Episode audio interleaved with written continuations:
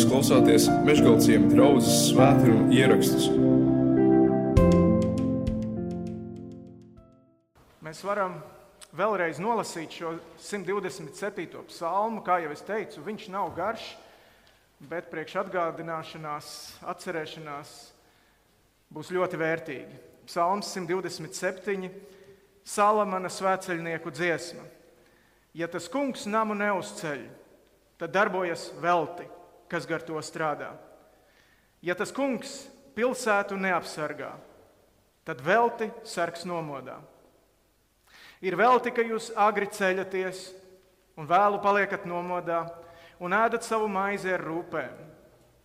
Saviem mīļajiem viņš to bagāti dod miegā.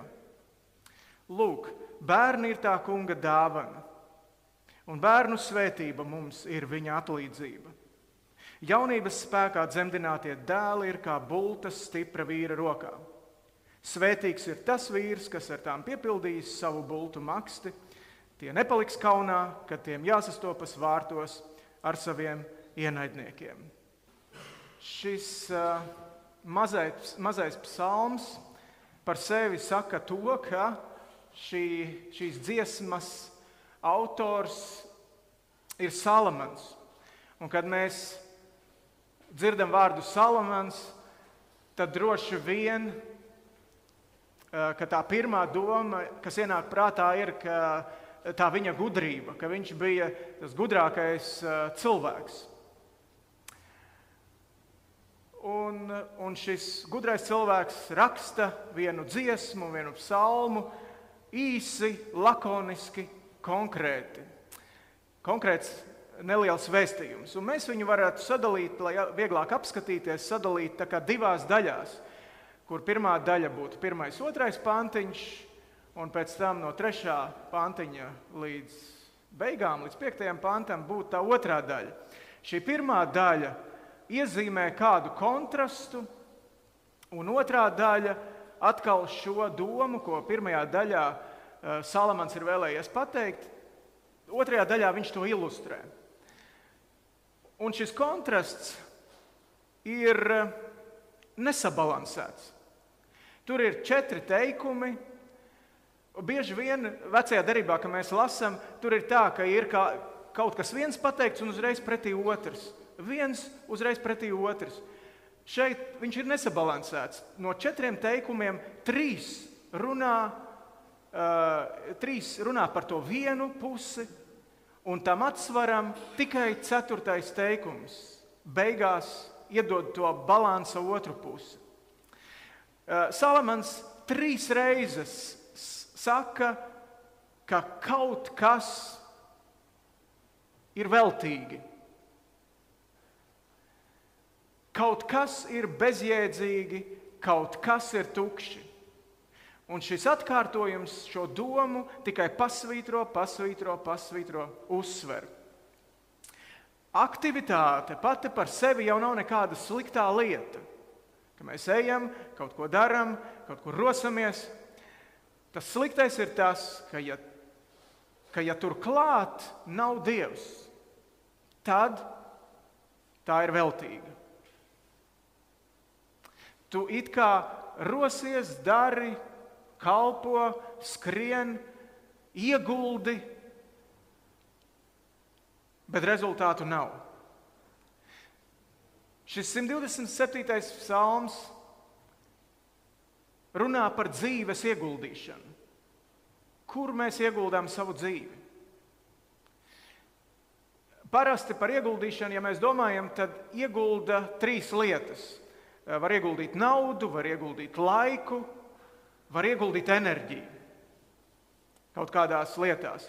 Bet nu, nauda ir tāda dīvaina lieta, tā jau būtībā ir tikai uh, forma, kādā izpaužās mūsu ieguldītais laiks un enerģija.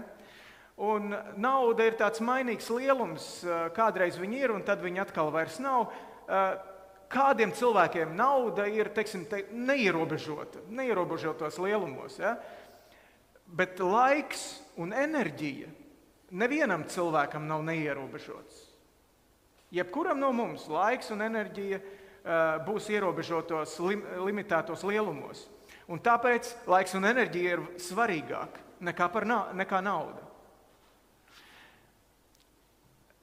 Psalms, 127. psalms runā par dzīves ieguldīšanu. Un Salamans saka, ka mēs savu dzīvi notrallinām, ja mēs ieguldām tur, kur Dievs nav ieinteresēts. Mēs varam celt namus, mēs varam attīstīt pilsētas, mēs varam arī būvēt paši savu personīgo karjeru. Mēs varam tagad arī internetā uztaisīt savus profilus un būt viedokļu ietekmētāji.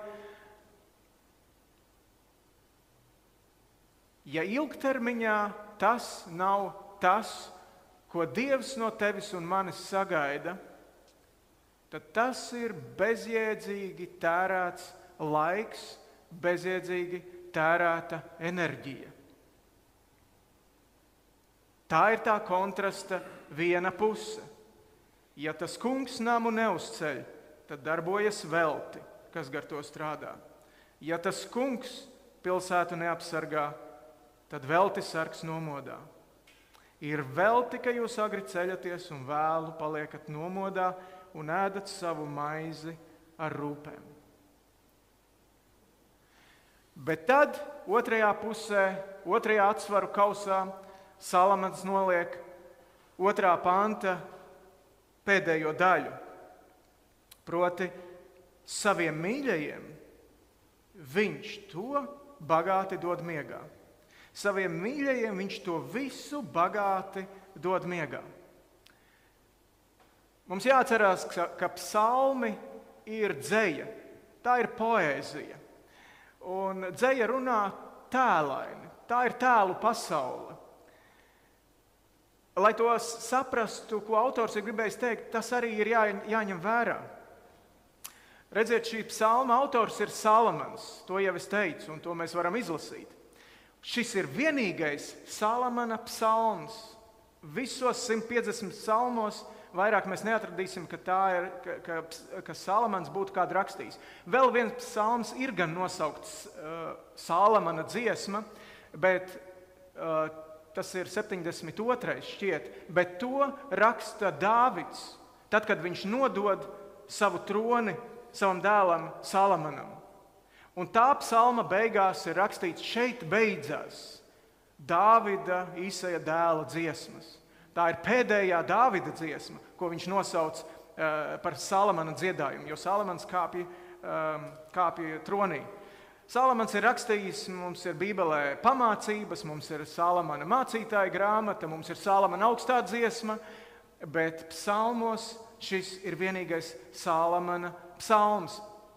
Kādu patiesību tad Salamans ieliek šajā vienā poetiskajā rindiņā?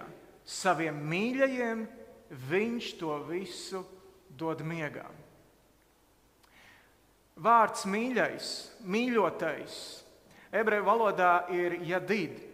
Un, ja mēs mm, varam atrast pāršķirt uz Salam, 2. samuēla grāmatā, 12. nodaļā, ir stāsts par, par, par Salamana dzimšanu. Salamana māte bija Batseba, Eh, ar kuru Dāvids būtībā pārkāpa laulību, un tas pirmais bērniņš eh, nomira, eh, kas no šīs savienības bija veidojusies. Bet nākošais, kad, kas dzims, tas ir Salamans. 2. samuēlā grāmata, 12. nodaļa, 24. pāns ja, un 25. Dāvids nomierināja arī savu sievu Batsebu, iegāja pie viņas un gulēja ar viņu, un viņa dzemdēja dēlu, un tas nosauca viņu vārdā Salamans, un tas kungs viņu mīlēja. Un viņš nodeva viņu pravieša Nātāna uzraudzībā un audzināšanā, un Nātāns nosauca viņu vārdā Jedīdjā. Tas ir šis vārdiņš, uh, jadid, ja? no tā vārdiņa, jadid, ja, kas tiek tulkots kā tā kunga mīlūs. Tātad Salamans pats tiek bērnībā saukts par kunga mīluli. Un tad, kad mēs domājam par Salamanu, mēs jau pirms brīdiņa teicām, ka pirmais, kas nāk prātā, ir ka viņš bija viņa gudrība, ka viņš bija gudrs vīrs. Un jūs zinat, varbūt arī šo stāstu, kā Salamans to gudrību saņēma no Dieva. Un to mēs arī varam izlasīt vēl, uz, vēl pašķirot atpakaļ no psalmiem un pirmajā ķēniņu grāmatā, eh, kur eh, Salamans ir saņēmis troni. Trešajā nodaļā, pirmā ķēniņa grāmata, trešā nodaļa, sākot ar piekto pantu, tur ir rakstīts tā, ka kādu nakti Gibeonā Tas kungs Salamanam parādījās sapnī, un tas kungs sacīja: Saki man, ko lai es tev dodu? Un tad Salamans tajā sapnī viņam saka, ka tā tauta ir liela, kas man tagad ir uzticēta vadīt, bet es esmu jauns zēns, dod man gudrību. Redziet, Dieva mīļotais Salamans, to lielāko dārgumu, kas viņam bija, šo gudrību, viņš saņem sapnī, saņem naktī, saņem guļot savam mīļotajam Dievs vislielāko dāvanu deva tajā brīdī, kad viņš gulēja. Iespējams, ka Salamans šajā psalmā atsaucās uz to. Jaunā derība arī mūsu Jēzus sakotājus sauc par Dieva izredzētajiem, Dieva svētajiem, Dieva mīļotajiem. Šis pats vārds, šis pats jēdziens attiecas arī uz mums. Šis apsolījums, ka Dievs saviem mīļajiem dos miegā, attiecās arī uz mums. Dieva mīļotie saņem sava darba augļus ar procentiem, kamēr atpūšas. Vēl viens no, eh, zīmīgs notikums, kuru es gribētu eh, ar jums nu, tā, apspriest šeit, Bībelē, kas attiecās uz Dieva mīļotajiem, tas ir 5. mūzes grāmatā. Pašķirot atpakaļ, Mūzus 33. nodaļa, 5. mūzes grāmata, 33. nodaļa. Eh, Mūzus jau atvadās, varētu teikt, no tautas, un viņš svētīja visas Izraēla ciltis. Un Benjamina ciltī viņš saka tādu svētību. Klausieties, 33. Eh, nodaļa, 12. pāns, 5. mūzes grāmatā. Un par Benjaminu viņš sacīja: Tā kunga mīļais, tas dzīvos pie viņa drošībā. Viņš to apseks ikdienas, un tas mitīs starp viņa kamiešiem. Dieva mīļotais sēdēs Dievam uz pleciem. Dieva mīļotais būs Dievam pičpaunā. Dievs viņu nesīs. Tas ir tā kā bērns, kurš arī visu dienu ir skrējis un ālējies un darījis savas lietas, bet vakarā viņš ir tik noguris, ka vairs netiek uz mājām. Un tad mēs, kā vecāki, bieži vien esam paņēmuši savus bērnus ne, opā, un viņš ir aizmidzis tur. Viņš ir aizmidzis, bet viņš virzās. Mēs viņu nesam uz priekšu, nesam uz mājām. Viņš turpina virzīties. Redziet, kad mēs sakām, ka Dieva mīļotais dus uz viņa pleciem, tad tas kontrasts nav starp to, eh, ka nu, Vienā pusē ir smags un neatlaidīgs darbs, un otrā pusē ir slinkošana. Runa nav par to. Kontrasts ir par to, ka mēs ieguldam savu dzīvi kaut kādā smagā un bezjēdzīgā darbībā, vai mēs savu dzīvi ieguldam Dieva darbā.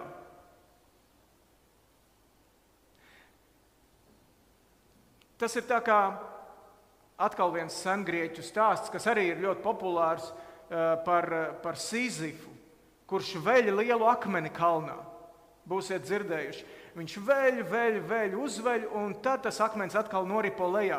Un viņš atkal iet pakaļ un veļ atkal viņu kalnā. Un tā viņš ir nosodīts uz visu mūžību augšā lejā, augšā lejā, augšā lejā, bez jēgas. Tas ir tā, tā ir tā viena puse. Tu dzīvo un dari, un jēgas nav nekādas. Un tā otra puse ir, mēs vakar ar Sandru pastaigājāmies līgatnē un skatījāmies divi skaisti gaisa baloni lido. Mierīgs rāms vakars, divi gaisa baloni. Mēs varētu teikt, dieva nesti, pa dieva vējam, viegli slīdam. Tas ir šis, ko, ko, ko Salamans mēģina šo kontrastu eh, parādīt. Kad mēs pārbaudām savu dzīvi, tad tie svarīgie jautājumi ir, kā mēs veltu savu laiku, kā mēs veltu savu enerģiju. Kādi ir mani dzīves mērķi? Kādām lietām es esmu nodevies? Vai tie mani dzīves ceļi, vai tie manas dzīves darbi, vai tie vispār saskan ar Dieva plāniem, un vai tie saskan ar Dieva interesēm? Ja, tie ir svarīgi jautājumi. Un tā dejot tālāk, Salamans dod vienu piemēru. Viņš saka, lūk, trešā panta, pirmais vārds ir lūk, skatieties, līdzība. Skatieties, kur ir vērts ieguldīt. Lūk, bērni ir tā kunga dāvana, un bērnu svētība mums ir viņa atlīdzība. Es domāju, ka Salamans būtu varējis izvēlēties daudz arī citus piemērus, dažādus. Bet bērni iespējams ir vislabākais, ko viņš varēja izvēlēties, jo, jo bērni nav tikai uh, nu, nezinu, tas nav labs vārds mūsu projekti. Ja? Tas nav tikai mums. Tas ir uz laiku mums iedots, tā ir mums uzticēta dieva dāvana. Tā ir arī dieva vēlēšanās, augļojieties, vairojieties. Ja tā ir dieva pavēle, kurā mēs, kā vīrs un sieva, iesaistamies, iestājamies un darbojamies. Tādā ziņā bērni ir dieva interesēs un mēs tajās piedalāmies. Un šeit atkal darbojas tā pati dzēja, tā pati poēzija, ko, ko, ko Salamans šeit lieto. Viņš saka, ka Dievs saviem mīļotajiem dod miegā. Jo bērni tās ir tās nu, mūsu dzīves daļas iznākums, kuru mēs pavadām atpūtā.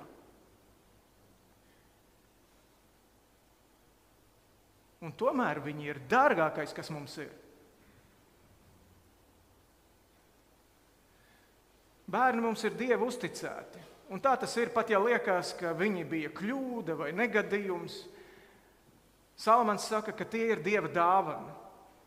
Un bērnos ieguldot, mēs saņemam ar procentiem atpakaļ.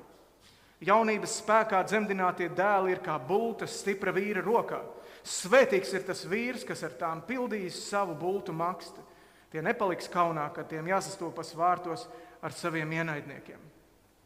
Bērni ir tā lielākā investīcija. Tagadnē, šajā dzīvē un visā mūžībā. Viņos ir vērts ieguldīt savu laiku, ir vērts ieguldīt savu enerģiju. Kā bultas stipra vīra rokā. Ja? Tā vecāki ar viņiem nākotnē ietekmēs sabiedrību ar saviem mazajiem ķipariem.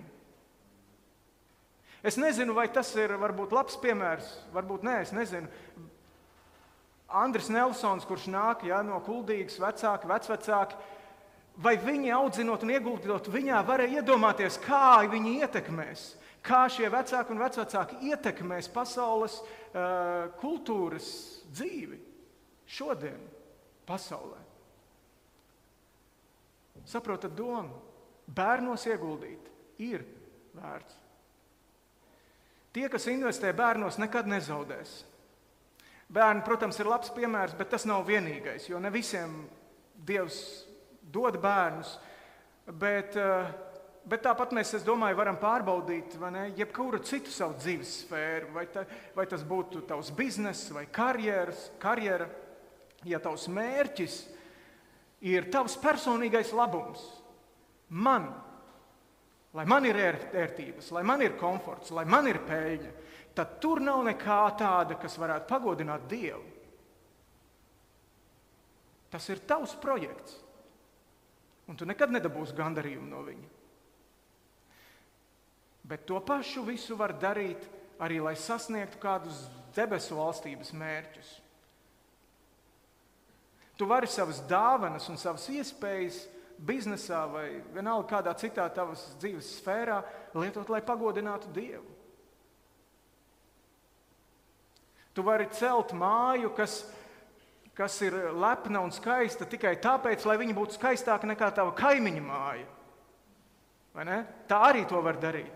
Bet tu vari celt tādu pašu māju arī tāpēc, lai tā būtu ērta, lai tā būtu atvērta taviem bērniem, taviem kaimiņiem, visai apkārtējai sabiedrībai, lai tā varētu būt pieejama un par svētību. Un tās ir divas dažādas lietas vienam un tam pašam objektam. Es aicinu uz to tā mums paskatīties uz mūsu dzīvi. Salamans uz to aicina. Viņš saka, ka mūsu dzīve ir tik vērta, cik vērtās lietās tu ieguldi. Varbūt mums vajag laiku pa laikam apstāties. Vajag pārbaudīt, kam es veltu savu laiku, kam es veltu savu enerģiju. Vai es esmu Dieva mīļotais, kurš sēž uz Dieva pleciem? Vai mani pūš Dieva vējš? Bībele saka, ka ir tikai viens veids, kā nokļūt dievam opā, ja tā varētu teikt. Tas ir pa to ceļu, kas saucās Jēzus Kristus. Viņš teica, neviens netiek pie tēva kā vien caur mani.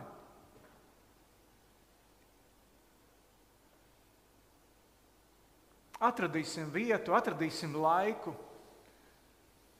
Kādreiz vienkārši izslēgsim telefonu un ļausim Dievam no viņa skatu punkta pavērtēt, kāda tad ir mūsu dzīve. Kur tu ieguldi?